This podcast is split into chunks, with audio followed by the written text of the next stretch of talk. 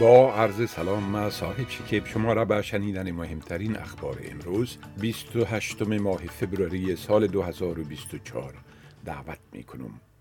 رئیس اداره آتش نشانی روستایی ویکتوریا می گوید مردمی که در معرض خطر آتش سوزی های جنگلی قرار دارند فرصت کمی دارند تا قبل از چیره شدن وضعیت فاجعه بار در غرب این ایالت خانه هایشان را ترک کنند.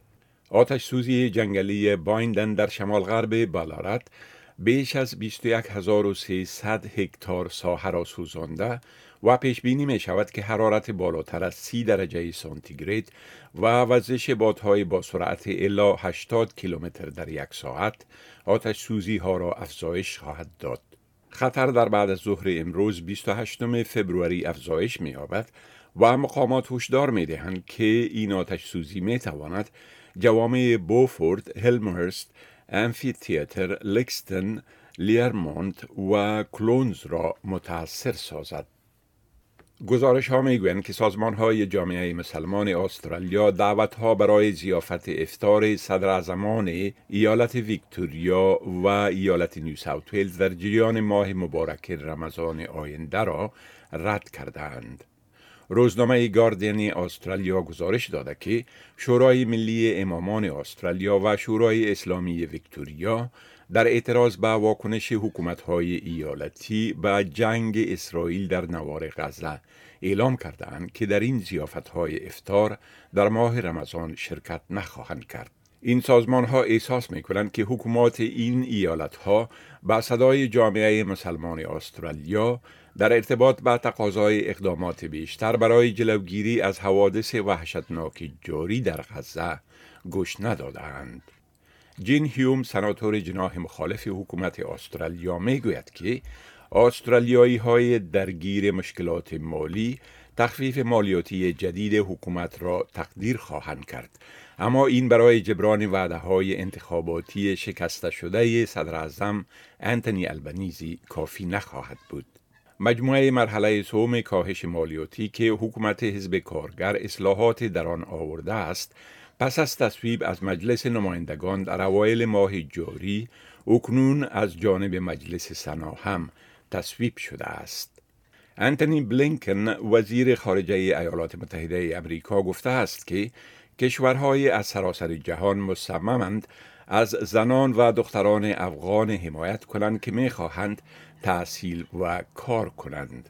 طبق یک گزارش صدای امریکا بلینکن در جریان سخنرانی در نشست ائتلاف مقاومت اقتصادی زنان افغان که به میزبانی مشترک وزارت خارجه و پوهنتون باستن راه اندازی شده بود گفت که این ائتلاف سه برنامه جدید را برای زنان و دختران افغان به زودی اعلام خواهد کرد.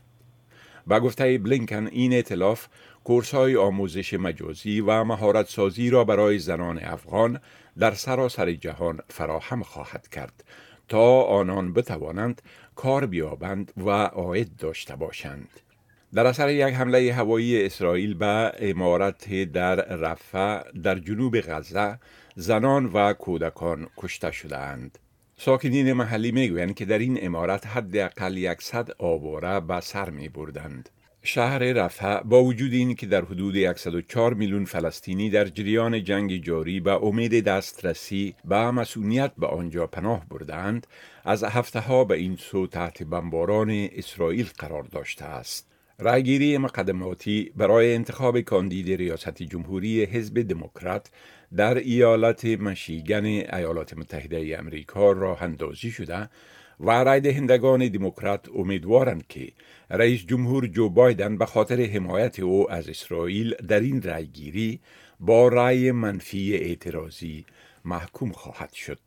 در حالی که بمباران غزه توسط اسرائیل ادامه دارد و تا کنون نزدیک به سی هزار فلسطینی کشته شده اند، تعداد زیادی از 300 هزار امریکایی عرب و مسلمان ساکن میشیگن به آقای بایدن نشان می دهند که اگر او از تمویل و حمایت مالی اسرائیل دست بردار نشود در انتخابات ریاست جمهوری ماه نوامبر از حمایت آنها برخوردار نخواهد شد. این بود خلاصه از مهمترین اخبار از برنامه دری اسپیس آدیو. شما می توانید گزارش های بیشتر درباره موضوعات گوناگون را در وبسایت ما با آدرس sbs.com.au دری بشنوید و بخوانید.